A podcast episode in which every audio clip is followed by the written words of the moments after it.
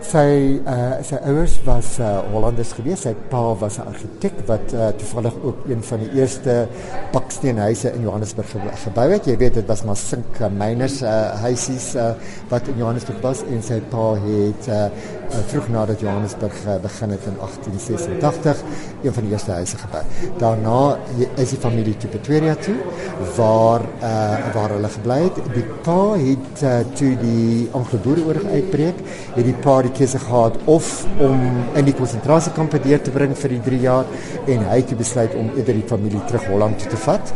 Uh en uh, dit was ek praat nou 1899 tot 1902 en daar was dit toe Pierneef as 'n tiener by die by die akademies uh by die opleidingsskole en so aan uh, kuns studeer het. Omdat sy pa argitek was, het sy pa natuurlik argitektoniese tekening bevorder en ek dink dit was die grondslag van al sy werke. Dit was die grondslag van hierdie diepgaande onderliggende komposisie wat jy in elke liewe werk van hom baie duidelik te sien kry. Dis omdat hy daai opleiding gekry het, daai argitek uh, uh, jy weet argitektoniese tekening opleiding gekry het in uh, in in in Europa toe is die familie terug en hy het toe begin werk as 'n assistent in 'n tabakwinkel in Pretoria. Cordana Cordana het hy by die uh, uh die nasionale biblioteek in Pretoria gewerk. Uh die gebou staan nog steeds ook uh, by Madiba uh, ook in Madiba Drive. Uh en ek dink dis waar hy baie deur kunsboeke geblaai het, jy weet, en baie van die kuns kuns kunsrigtinge teëgekom het. Hy is toe getroud in 1911 en uh, hy en sy eerste vrou het toe 'n huis gekoop wat uh aangrensend was aan die Pretoria dieretuin en hulle het natuurlik 'n rivier daaronder gedeel met baie wilgebome en dit is hoe waar sy voorliefde vir wilgebome vandaan gekom het.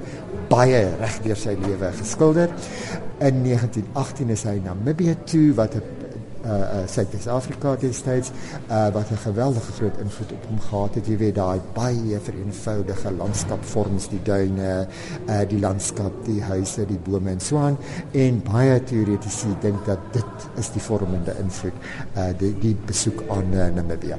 Hy was toe ook uh, onderwyser gewees, onderwysopleiding gedoen by die Heidelbergse Onderwys uh, en uh, dit is toe waar hy sy belangstelling van uh, rotskuns uh Busman Rotskens uh uh uh, uh ontdek het en later sal ek vir jou 'n baie mooi voorbeeld wys en hoe dit sy werk beïnvloed het.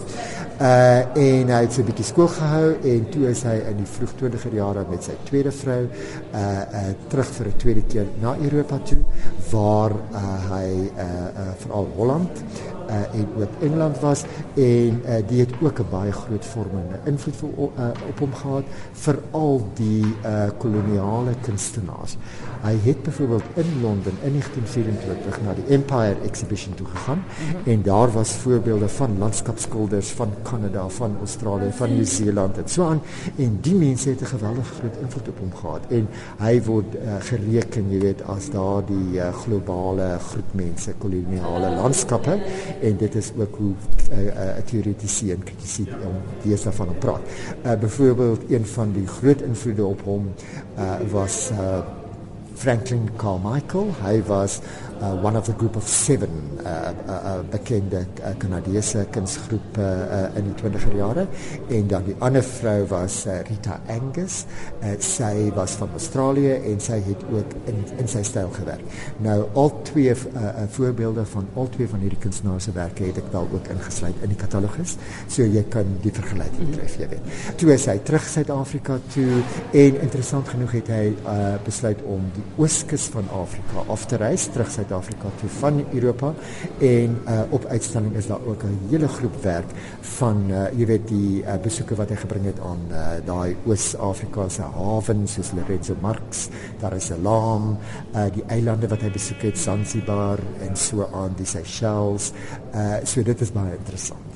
As mens na sy werk kyk, het sy of jy nou 'n kunskenner is of nie, mens kan sy werk herken. Wat is dit van Pierneef se werk wat dit 'n Pierneef maak? Ek dink uh, dit is die die die groot vraag wat uh, wat wat almal vra en ek dink hy is die een, hy is die Suid-Afrikaanse landskapkunstenaar wat daai radikale breek met die Europese uh die Britse en Europese uh, uh landskapskildering wat uh, die uh boottoon gevoer het in die Suid-Afrikaanse kunslewe in die vroeg 20ste eeu. Uh en Pene was die een wat daai die breek veroorsaak het. Jy weet, hy het wel opleiding gekry, wel informele opleiding van uh Frans Oeder byvoorbeeld en Pieter Wenning, maar hulle was nog in die in die Hollandse uh tradisie. Uh en dan ook 'n baie sterk Britse landskapstradisie van Edward Roweth byvoorbeeld en Pene was die een wat op 'n unieke manier na die Suid-Afrikaanse landskap gekyk. So dis is hoekom sy al sy landskappe is die spoel van die Hoofveld sonlig, jy weet. En ek dink dit is wat hom so uniek maak uh, uh, uh dat hy die een is wat landskapstradisie van die Suid-Afrikaanse landskap spesifiek daar gevestig het. Baie mense begin nou uh hom herëvalueer uh, in terme van uh dat hy ook dat Pineef ook verantwoordelik was vir die begin van 'n tipiese Afrika landskap. En ek dink dit is waar sy bydra tot die Suid-Afrikaanse kunsgeskiedenis geleë is. Ja, want kyk, niemand se bome lyk like so sy bome nie. Presies, presies. Hy, hy hy herhaal die bome aan mekaar, jy weet, die tipiese inheemse bome, die sering, die wilde vy, die wilde peer, uh, uh al daardie sien jy oor en oor in al sy werk. Ek het na van die werk gekyk en baie van hulle het ongelooflike pastel kleure. Ja, de, wat jy opgetel het is 'n baie unieke medium wat Pene vir homself ontwikkel het. Dit word die kassein genoem. Nou die kassein, uh ook 'n interessante storie. Uh, uh die kassein het hy uh, soort van toevallig op afgekom want hy het gewag op kunsmateriale wat uh hy bestel het van Spykert. Nou Emil Spykert was een van sy eerste versamelaars gewees en ook soos hy self weet tot vandag toe is Emil Spykert die verskaffer van kuns, die maatskappy uh, van kunsmateriale hulle en hy het toe pigment, kleurpigment gemeng met melk. En toe het hy op hierdie kassein medium af En kassein is so van 'n is 'n baie vloetende medium, so jy moet baie seker wees van die kwasaal, want as dit droog is, is dit droog. En dit is ook soos waterverf. As jy fout gemaak het, moet jy oorbegin. Uh maar dit is vir my so 'n kombinasie, daai as jy nou die pigment met die melk meng, is dit maar so 'n pasta uh tipe van ding wat jy kry. So dit is so 'n kombinasie van pastel, van waterverf, van gouache uh, uh en ek dink uh, hy het toe op hierdie afgekom en dan hierdie baie fluweelagtige tipe van 'n tekstuur ontwerp vir homself en op uitstalling is daar 'n paar verbluffende uit uh, voorbeelde van hierdie tipe werk. Dit is ongelooflik.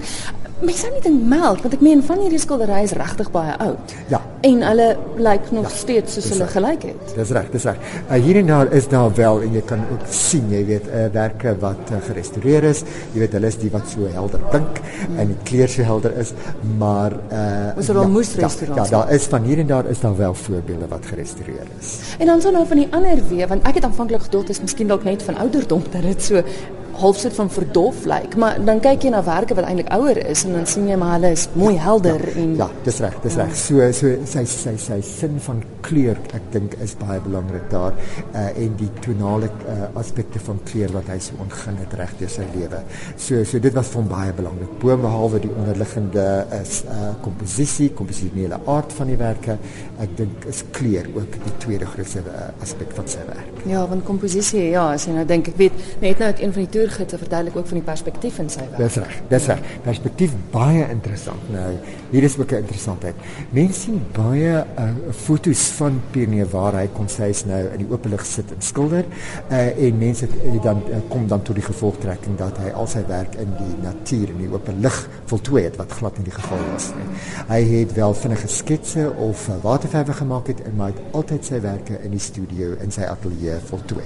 Uh, en baie interessant dan ook is dat uh, daar was 'n kunstenaar uh, wel hy lewe nog steeds sy naam is Karel Becker en Karel Becker het dit sy lewenstaak gemaak om al 28 plekke wat Pierneef ek het aan die begin gesê hy het 28 uh, panele gemaak mm. vir die stasie vir die parkstasie Johannesburgse parkstasie en uh, Karel Becker besoek nou al hierdie plekke en dan probeer hy die presiese posisie vind wat Pierneef ingeneem het hy kon dit nie vind nie.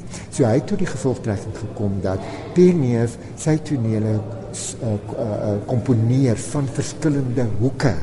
So jy kry 'n uh, een gesig is uit verskillende hoeke aangebied en boonop nog ook uh, uh, uit verskillende dele van die dag. Jy weet so om een ligbron in 'n pionier te probeer identifiseer is fataal want uh, die lig val van verskillende hoeke en so aan. En ek dink dit is wat sy uh, komposisie so kompleks maak, maar so ook so interessant.